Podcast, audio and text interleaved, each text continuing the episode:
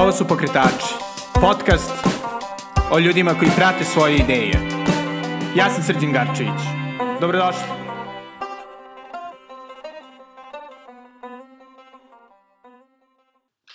Dobrodošli u drugu epizodu Pokretača. Samo su ovde Marko i Ivan, policiji poznati kao Marun i Junior. Oni ne samo da su deo već sada kultne indie večeri Kišobran, već takođe i vlasnici jednog od najboljih kafića u Beogradu, Zaokreta, koji je pokrenuo celu priču sa izlaženjem u Cetinskoj još daleke 2015. godine. Kako se, jeli, ova emisija bavi ljudima koji su pokrenuli zanimljive stvari, ovde ćemo sada da čujemo njihovu priču o tome kako su se desili Kišobran i kako se desio Zaokret. Pa, Ivane, Marko, ko će prvi? Dobro večer. Dosta nam znači što smo drugi u ovom divnom serijalu Pokretači. Zaokret je nastao pre dve godine. To je decembar 2015. godine i nastao je kao plod sedmogodišnje indie večeri koja se zvala Zaokret. To se dešavalo po raznim kafićima, najviše u Bifeu Ventil i u kulturnom centru grad. I mi smo radili svako četvrtka to indie veče koje je za svoj kao osnovicu imalo puštanje te neke nove up and coming muzike koja nam se dopada, istraživali smo neke nove stvari, slušali uživo, gledali kako ljudi reaguju na to na manjoj, na manjem kao uzorku ljudi i onda videli da li možda te pesme mogu da se plasiraju na tu kišobran žurku. I pored toga smo to koristili kao platformu da isprobavamo nekakve još razne stvari, da li su to neke naši pokušaj organizacija izložbi, naši pokušaj organizacije nekakvih ad hoc koncerata, nekakve razne akcije koje su nama tada u tom trenutku bile zanimljive. Za Kišobran smo uvek mislili kao da je to nešto bitno zašto treba promisliti i svaki korak smo pažljivo ono, merili, sekli i tako dalje, a u zaokretu smo bili malo slobodni i imali smo, pored dosta uspeha, imali smo i dosta nekih manje uspešnih pokušaja. Tako da posle 7 godina smo se odvažili na taj korak i otvorili kafić koji je duhom sve ono što je to veče zaokret bilo tih 7 godina, ili ne, 6 godina pre toga. Ne, lagaću, 2009. godine. Da. Uh mhm. -huh. A jel ste prethodno imali neko kao ugostiteljsko iskustvo? Pa, ne. Ne, nula, mislim nula, u smislu tog pravog ugostiteljstva. Radili smo u kulturnom centru grad kao muzički urednici i tu smo nekako upoznali te osnove ugostiteljstva i onako sa strane gledali kako funkcioniše šank, papiri i tako dalje i neke dozvole, jer ovaj, da uozbiljimo ono priču, u suštini ni, niko ti u Srbiji ne kaže šta ti treba da radiš ako želiš da otvoriš lokal, već sam moraš da shvatiš, pronađeš, iskopaš, pitaš da li i onda da to ovaj, mm -hmm. primeniš na, na, na, na svoju, na svoj lokal. Pošto ono kao, svima je san da otvore svoj kafić, pogotovo sa takvim konceptom koji je već prilično dobro razređen, puštate muziku koju volite, ono, pozivate ljude koje volite da vam izlažu. E, kako je to zaista? Evo sada, posle dve godine. Iskreno, ja mislim da to baš onako kao što ljudi zamišljaju. Nama imamo, da se razumemo, to je posao, I mnogi ljudi zamišljaju kao imaš kafić, u stvari sedeš u kafiću i piješ i zezaš se. To baš i nije tako, to je full time posao koji zahteva mnogo odricanja, mnogo rada, mnogo nekakvog U našem slučaju dosta i kreativnog rada, što nas ispunjava, ali pored tog kreativnog rada koji je super i um, smišljenja tog nekakvog programa i rada sa uh, zanimljivim ljudima, postoji taj drugi deo posla koji je to usaglašavanje sa zakonima, propisima, naručbine, komunikacija sa nekakvim tim ljudima koji ti donose pića, cenkanja, zezanja, haslovanja. Mislim, to je sve deo posla koji, koji ide uz to, ali na kraju dana ja, ja mislim da govorim u ime Ivana i, i u svoje ime da ne bismo to menjali. Nama je ovo super.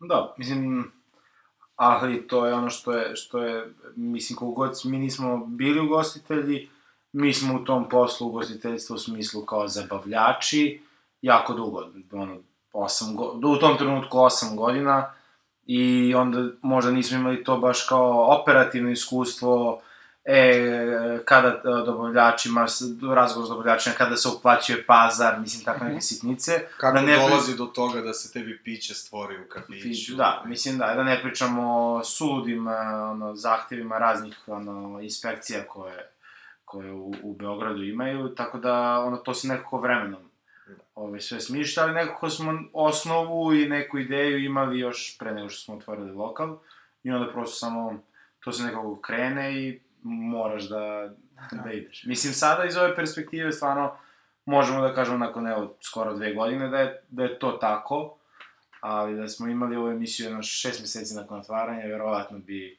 ovaj, pričali potpuno drugu priču i... Da, Ovaj, i naš savjet za sve ljude koji maštaju da imaju kafić, zato što kao san svakog, ne čak samo muškarca, nego san dosta i žena je da kao imaju neki kafić gde mogu da se ono zezaju sa drugarima. E, naš savjet je nemojte to da radite. Ako, mislim, mi smo stvarno bez zezanja imali podlogu od 10 godina, što u klabingu, što u radu u kulturi, što u radu u različitim e, kulturnim institucijama u gradu.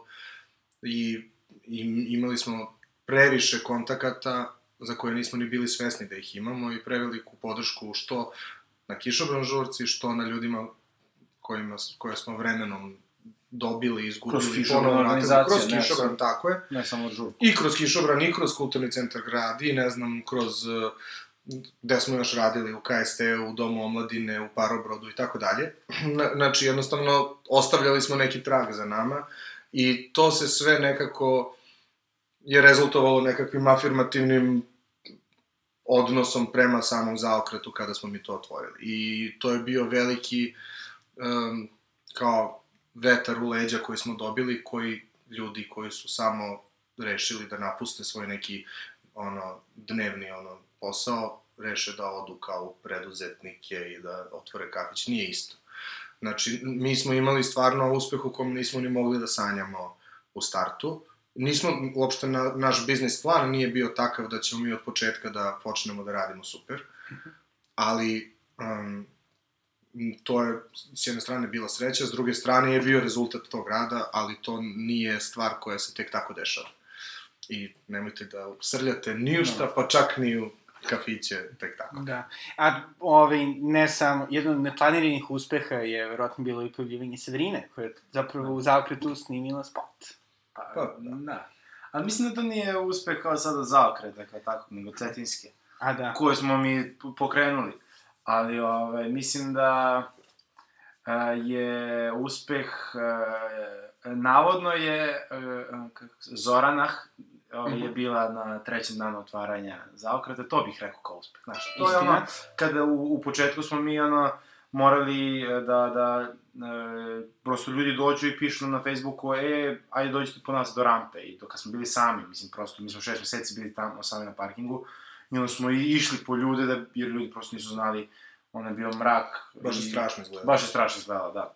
Ovaj, I onda smo Mislim išli... da izgleda mnogo bolje sada, ali barem je osvetljeno. Da, sad izgleda strašno na drugu stranu, Da. znači sad je samo... Ovaj, I onda je, ali eto to, navodno, ja nisam video, ali Mhm. neki e, p- huška se po gradu. Tako da, Severina je već došla kad je tu utaban teren, Aha. tako da to je onako malo, ne bih ja to... Svi znaju za Svi, da, Severinu. da, svi znaju za Severinu. Ali Ali, Ali za Zorana to duše. Da, pa da, ali ovaj, ono Niko što... ne zna da je ona bila, niko ne priča, da. Da. svi pričaju da je kao Severina. Evo, ovo je ekskluziva za Da. pokretače. Tako je. Da. O, tračevi po gradu, to je to. Da, da. A ovaj, a prilike kako izgleda ono, da kažem, dnevno, što bi rekao Marko, haslovanje u imanju kafića. I ja stvarno za sebe ne mogu da kažem da sam klasičan ugostitelj. Mislim, to mogu kažem isto i za Marka. Klasičan ugostitelj je osoba koja će uraditi sve za profit, koja će uraditi, e, gledati, gledati samo profit, samim tim i svi ljudi koji se, koji se rade oko, oko ugostitelja, dobavljači, e, sponzori, e, pivare, svi oni su navikli na komunikaciju sa takvim ljudima. Kada Marko kaže kao haslovanje, mislim da je to više kao mislim, svi su oni bili začuđeni kada dođu i vide nas dvojicu, koji smo kao takvi kakvi smo, i onda im bude čudno, čekajte, kao, vi to držite, kao, pa kao tu neko drugi, a Marko u, u Starkama, ja u zelenom šorcu i crvenoj majici, pa i malo nije to baš jasno kako te, šta se tu tačno dešava. I onda nekako moraš da kreneš da pričaš njihovim jezikom. Da bi prosto, jer ne možeš bez te saradnje, mislim, prosto moraš da imaš piće, što kaže Da, Marko. ta komunikacija je jako teška, zato što, baš zbog toga što Ivan rekao, čitav sistem je postavljen na tim nekim, mislim, ajde sada da o- ne želim da zazvuči kao da, kao, ali na tim nekom, na, na tom nekom principu ono sistema vrednosti 90. godina. Ali stvarno je tako, gde sada nama dođe neki tip koji nam, ne znam, hoće nam uvali neko novo piće i kaže nam, pa dobro, ne znam, poklonit ću ti, ne znam, toliko i toliko tog pića i daću ti toliko i toliko para, da ti staviš reklamu, ne znam, toga i da tu sad dođe, ne znam, pet cica i da ti nešto kao pitaju goste i kao on je mislio da je završio stvar, zato što kao on je dao sve što ugostitelj može da poželi.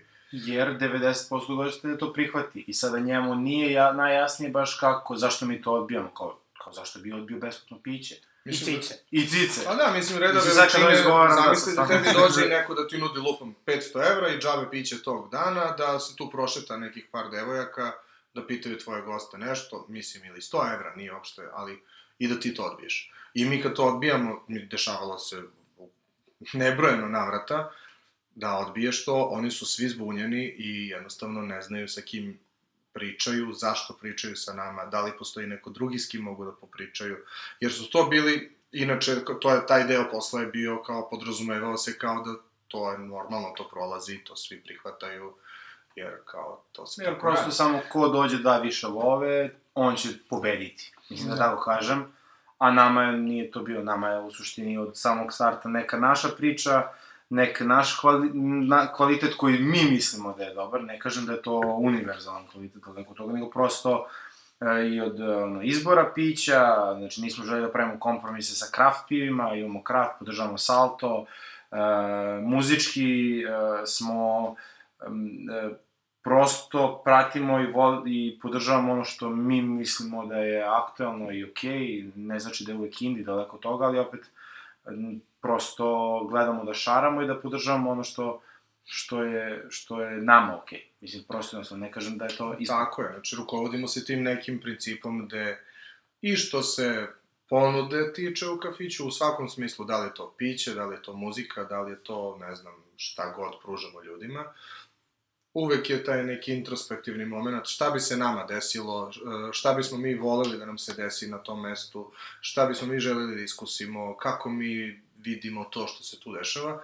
Ako se nama sviđa, onda bi trebalo da se svidi i ljudima koji dolaze tu. I mislim da je to e, bio neki čudni ključ uspeha, iako to stvarno nije velika mudrost i svi pričaju o tome, ja, ja kad bih imao, ja bih radio sve ono kako bi meni bilo lepo i onda kada dođu ti, te situacije, aha, dobro, pa samo da ubacim promociju ovoga, aha, pa dobro, samo sad ću da okrećim ovaj zid u boje, ne znam, kog piva. Jer smo tu dobili ponudu, stvarno. Znači, došla, Stvarno? da, da, došla devojka i rekla, ajde da ofarbamo ceo lokal u tu boju, nebitno sad u koju, da ne otkrivam to pivo i, ko, i da ofarbamo, mislim, mislim, to vam neće ništa smetati. ja kao, mislim, vratit ćemo mi ponovo na, ja kao, čekaj, kako misliš da prefarbaš plafon, I eto, to, sa, takvim, sa takvim ljudima je to komunikacija svaki dan i, i onda sada ja ne znam kako da ne budem nevaspitan, ne, neprijetan, a to, mislim, presmešno. Ali To da, su sve Da. stvari koje nismo znali da nas Da, čekaju. eto da. Da, da. Inače, za oni koji nisu bili u zaokretu, nije prefarban u boje nijednog piva. Nije, nije.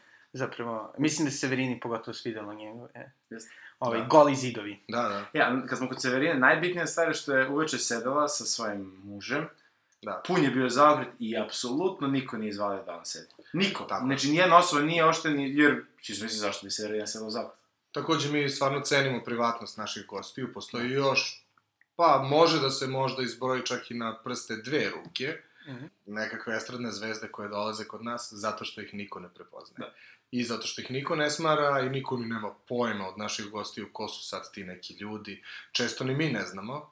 I onda nam ljudi kažu, e pa kao to ti je taj, kao, super. A mi smo utočište za, za estradne zvezde. Bilo je tu i par šaleracija, ali nećemo sad o tome. O, divno, Ali, divno. ovaj. Kada, kada ove, pokretači budu promenili svoj koncept u Beogradski Gossip Girl, Da, da, onda da, može to. pozivamo vas ponovo. Ali mora nabraš neki onaj, da, da nam se menjaju glasovi, da ne bude kao da... Apsolutno, Da. apsolutno, apsolutno.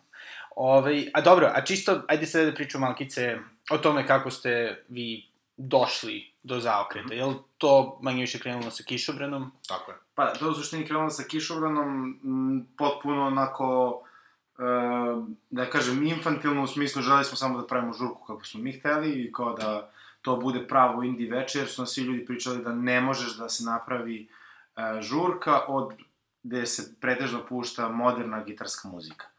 I onda je, je moj brat, znači ja i Marko nismo od starta u Kišobranu, moj brat i, i drugar Pajas i ekipa Rifsa su napravili večer Kišobran kao ideja da se podržavaju tri DJ ekipe ove, koje su tad puštale indie muziku u gradu i kao Kišobran je u suštini bio subtitle, to je kao Kišobran, ali Brits, Riffs i Go With The Flow. I onda je vremenom, kako se nekako to iskristalisalo, ekipa i, ovaj, i hemija među ljudima se tako nekako promenila, da smo rekli da, ok, ukidaju se sve tri večeri, to jest ukidaju se dve večeri, Riffs se nastavi sami. Detalji kada budemo pokrenuli taj podcast o tračevima. Da, Naravno, da, naravno. da, ovaj, e, ko je tu kome šta rekao, ovaj, je, je prosto neko nastao kišobran i onda kada svi pitaju kao zašto kišobran, to je u suštini to, zato što smo želi da nekako sve, sve sjedinimo pod jednim imenom, a opet takođe smo hteli neku srpsku reč, a ne, ne stranu i, eto, zato kišobran.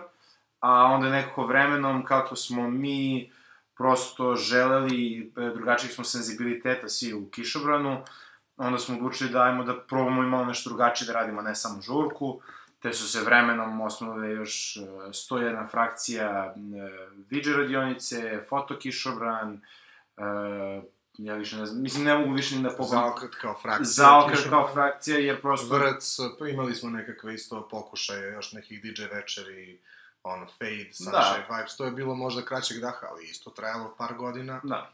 Ali u suštini želeli smo da ono, i onda smo vremenom sarađivali sa dosta ljudi u gradu, kao što je Marko rekao, i prosto uh, ni sa jednim od tim nismo imali, sva sreća smo imali tu privilegiju da kažem da nismo uh, možda ni znali u smislu finansijski dobit kako smo mogli da izvučemo i sve te priče, već smo to radili svamo srcem, jer smo kao želi da to nam bilo lepo, studenti svi radimo lepo, da neki ono kao side, side priču radimo sa strane i onda ni u jedan, jedan aspekt našeg rada nismo ulazili sa fin, za željom da dobijemo neku finansijsku dobit i onda su to ljudi prepoznavali, prepoznavali su našu energiju i podržavali nas. I onda, kada je neko došlo na, na red da se, da kažem, naplati, ovaj, svi su nas a, vrlo rado podržali, mislim da, ja se nadam da nikoga nismo, ono, izneverili, da... Tak, ali postoji druga priča, e, druga strana te, te priče koje nismo bili svesni dok se sve to dešavalo, a to je da smo, ja sada mislim da imam neku sliku kako se to zapravo sve desilo. Kada je Kišobran nastao, on je nastao kao potreba, ne, znači da se distanciramo, da subjektivno sklonimo.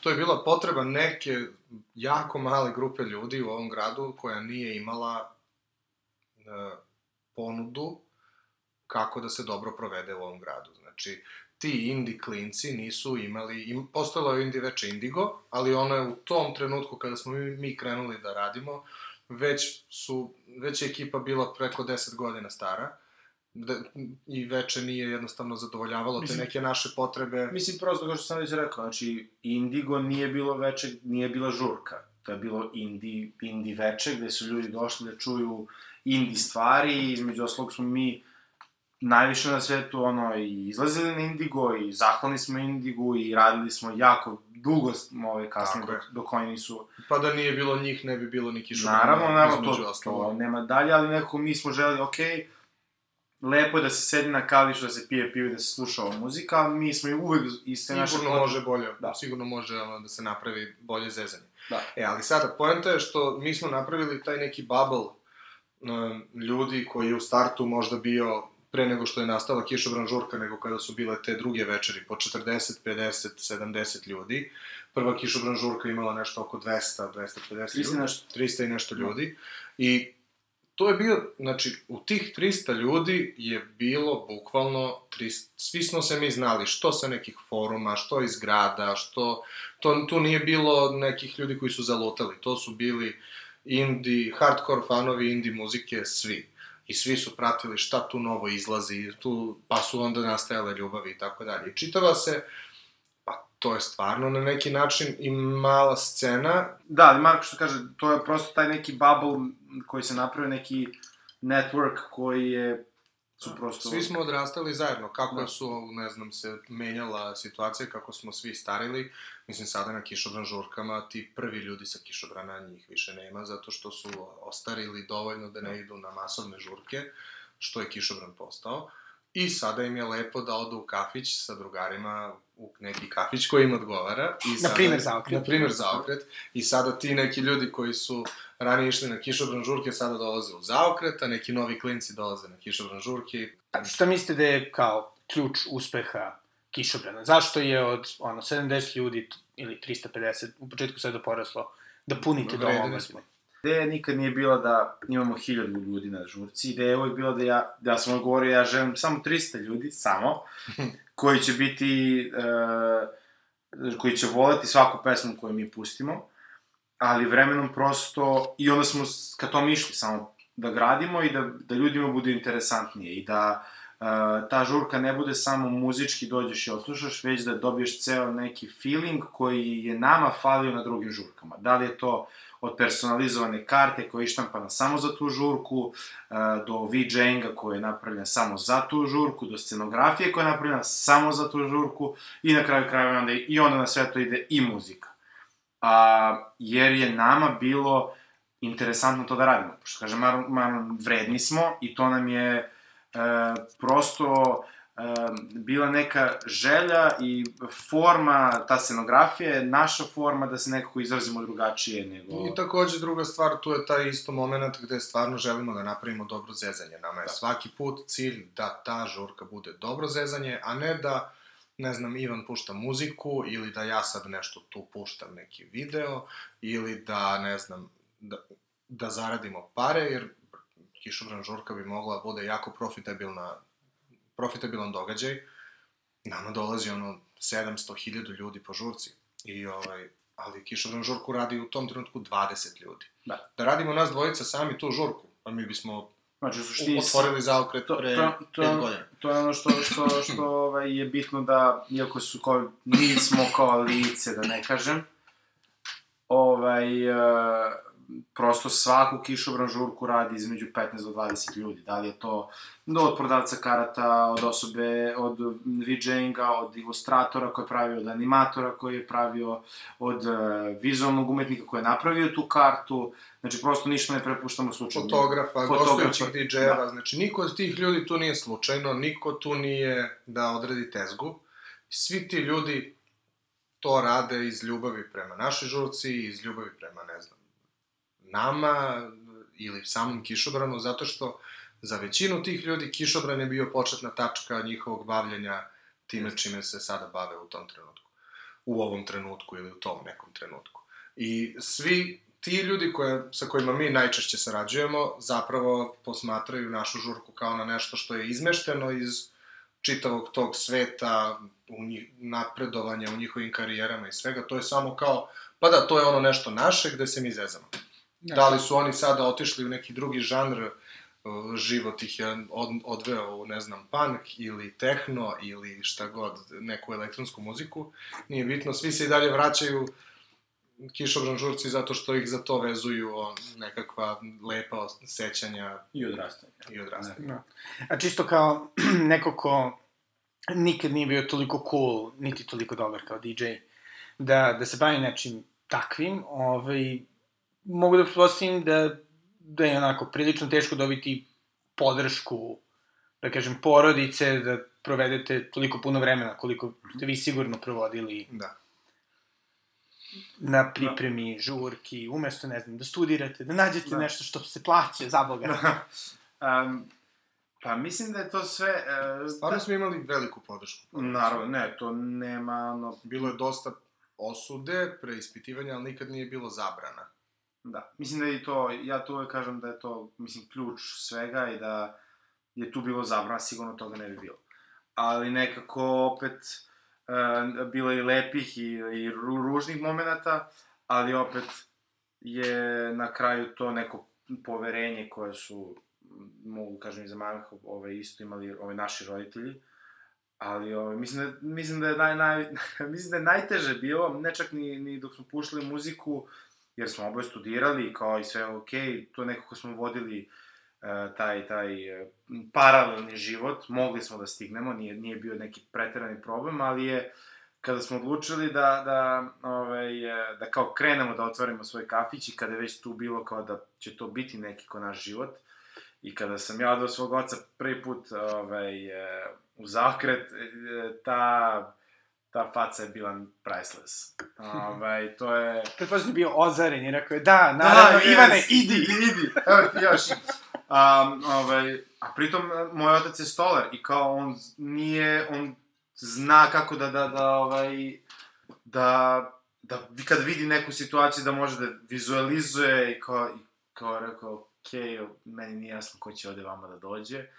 Ovaj, I onda je kao, kada se jer onda nam je on naravno najviše pomogao dok smo radili sve i onda kad smo radili, drugi dan otvaranja došao je njegov idol Kesić i onda je sve, onda je sve bilo okej. Okay. Onda, A. s- onda u, to, u tom momentu je kao, e, sad je sve okej, okay, sad je okej, okay, sad ja verujem, znam šta se ovde radi, kao, možda ne razumem, ali podržavam, tako da, ovaj, je to, Da, mislim, i sa druge strane, mi smo bili prilično, sada pričam za nas dvojicu, zato što nas dvojica smo sada na čelu kišobrana, ali to nije bila situacija stalno, mi smo jedno vreme, pa da, jedno vreme smo bili šljakeri u kišobranu, jedno vreme smo bili jednaki sa svima na papiru, ali se uvek poštovao staž u kišobranu. I onda vremenom, kako su svi naši ostali članovi ili je bivši članovi, alu, alumni kišobrana, po- popularni alumni kišobrana, em, kako su rešili da više vremena posvete svojim karijerama, konkretno uglavnom van zemlje, to je bio Da. glavni razlog odlaska iz, iz samog kišobrana, um, svi su prioritizovali svoje karijere u odnosu na samo udruženje kao takvo i žurku, a nas dvojica smo manje više svesno ili verovatno kol- koliko smo godinama unazad energije davali na samu žurku i na samo udruženje, nekako smo prioritizovali tu, tu stranu našeg života u odnosu na sam, pa sada može se reći i fakultet i drugu neku karijeru. Ni- Nismo to videli kao hobi. Ni, Da. možda nekada, ali ni u jednom trenutku ja konkretno to nikad nisam video kao hobi, zato što mi ni, nikad to nisam radio na taj način. Uvek sam imao mnogo veće očekivanja. Nije, nikad nisam radio to samo za sebe, a ni Ivan. I iz svega toga, znači poenta svega je da je bilo dosta žrtvi. prosto nismo to gledali kao hobi, ali nismo ni gledali kao posao, već smo se pristupali kao poslu, ali nismo očekivali nazad taj kao Tako je. Finansijski. finansijski I dobro, i koji su sada planovi za dalje? Ovaj, Da, Koliko ako, me toliko? pita, ako mene pitaš šta dalje, ne sutra, ne za godinu dana, nego možda za 20-30 godina, naš cilj, koga nismo ni baš mnogo svesni, evo sad sam ga smislio, ali to sigurno postoji u našim glavama negde sakriveno u nekom Podsvesno. Pa da napravimo čitav krug. Znači, počeli smo priču o tom nekom bablu koji su tražili neku žurku. E, pa ti neki ljudi koji su, kojima se dopada sve to što mi radimo, šta im mi pružamo, um, zadovoljstvo koje pronalaze u, u tome, š, u tom nekom sadržaju koji mi njima dajemo, pa treba napraviti čitav krug. Treba napraviti krug od toga da, ne znam, svaku stvar koju želiš da uradiš tog bilo kog dana u svom životu, da u ovom gradu možeš da uradiš u nekom prostoru ili sa nekim proizvodom koji ćemo mi da pružimo. Nekako sve što nama fali, napravit ćemo da nam ne fali i onda kada nama to nešto ne bude falilo više, kapiram da će još nekim ljudima biti lepo za, da postoji nešto što će se i njima svideti zato što se sviđa nama. Mislim, to je možda mali broj ljudi, ali... pa mislim, Znači da jedno 100 ljudi, da 50 ljudi, da 1000 ljudi, vidjet ćemo koliko, kaže Beograd je za mene najbolji grad na svetu, ja imam sve što mi treba ovde, od sadržaja, proizvoda, od ponude, od svega. možda i infantilno malo, u smislu to da se napravi i možda nije baš onako, ono, nije okej da budeš živiš u bablu, ali mi živim, ja živim u bablu, o, Mi svi živimo u nekom. u- Da. I neki, neki moto je, ako već živimo u bablu, ajde da ga sredimo. Da. Jer, Da. da. jer on, najlakše je samo reći je čoveče, ovde sve sranje, sve Da. se raspada, ovde nema ništa, mrzimo ovo, želim da odem odavde, a ne odeš nikad. Ja za sve te koji ne odu nikad, ajde da napravimo malo lepše mesto. Jedan savet koji biste dali vašim mlađim sebi pre recimo 7 godina kada ste pokretali Evo, kišobran. jedan savjet. Da. A evo dva, tri. Ha! Znači, jedan uh, glavni savjet je da radiš ono što voliš i onda kada radiš to što voliš da urodi, u, um, iskoristiš i da nekako uložiš poseban trud u to što radiš, da ti misliš da je to kako treba. I onda kada si spreman da pokažeš svetu šta god to bilo, što je kako treba, nemoj da se stidiš da pitaš. Moj glavni savjet za sve ljude koji bi nešto da rade, a ne znaju kako, pitajte. Jer um, ljudi su čudna bića koja ne znaju da odbiju lepo pitanje. Naročito ako taj neko ko nešto pita ima nešto kvalitetno da ponudi, a ne Mislim, prosto da se ne, ne predaju ljudi, ali opet da ovaj, i slušaju druge, da budu samo kritični, da rade na sebi i da, ovaj, da budu vredni. Mislim, to je to, prosto i da budu uporni. Ne može, ne može preko noći, ništa nije preko noći, stvarno. A to je nekako igrao, stvarno imamo slučaje sad da u kontaktu smo sa baš novim klincima, koji stvarno imaju taj osjećaj kao, e, čuo sam malo pesama, ajde daj mi odmah vikend, daj mi, daj mi odmah da puštam, Kišobran je četiri, tri godine radio srede, pa kad smo došli na nekom, i onda smo tek dobili vikend, i tako, i prosto, a nismo u momentu kada, ni, da smo došli i rekli, e, daj mi subotu, neću da radim subotu, neću više ni da radim, prosto bili smo u fazonu, ja, okej, mi hoćemo da radimo srede, to nam je okej, daj samo da radimo, se radili radimo. uspešne srede. Da, ajmo da radimo, radimo, radimo, radimo, radimo, radimo, samo da se radi. I onda će da na kraju doći ovaj, taj neki nagrada u vidu ovaj, zadovoljenja samim sobom. Ako kaže, ok, sad sam uspeo i sad je sve ovo. Ok, Hvala puno. hvala tebi. Hvala, hvala ti na, na ovoj divnoj džozi i džoza toniku. To nismo Nema spomenuli. na čemu. Sledeći put, to je Da. tajna. A, izvini. Tajna ovog podcasta. Kako opuštaš ljude Ćao, ćao. da, da. Kako, serum istine. Da.